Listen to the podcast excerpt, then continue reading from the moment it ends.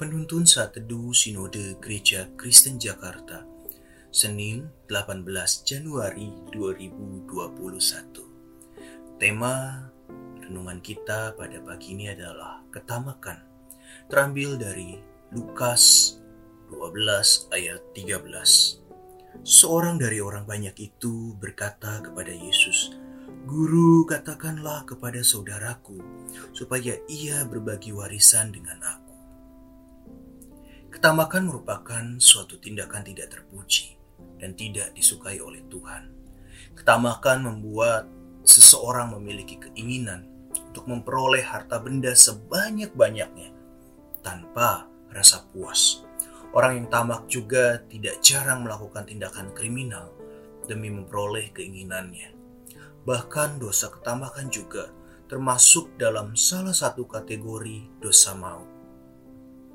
Ketika kita melihat ayat 13, kita dapat melihat seseorang berkata kepada Tuhan Yesus untuk saudaranya yang berbagi warisan dengannya. Jika kita melihat sekilas, memang tidak terlihat adanya persoalan ketamakan.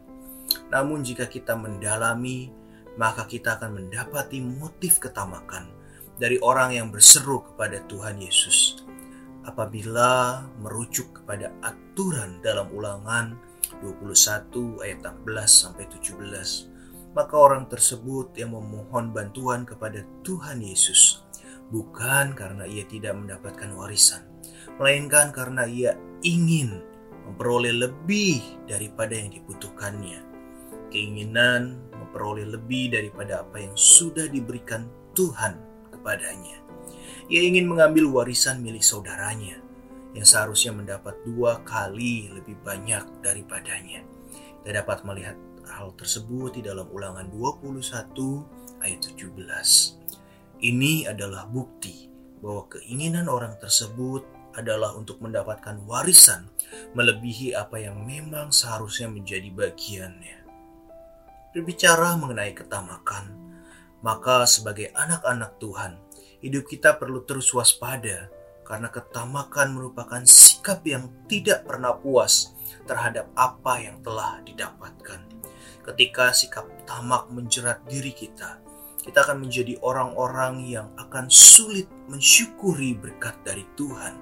Bahkan sangat mungkin karena terus-menerus ingin memenuhi keinginan diri hingga menghalalkan segala cara untuk mendapatkan apa yang diinginkan dengan tidak lagi memandang aturan-aturan yang berlaku.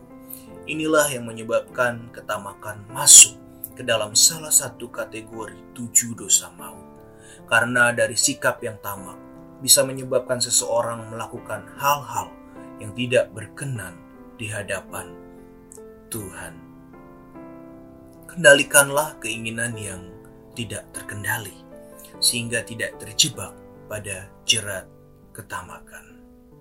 Tuhan Yesus memberkati.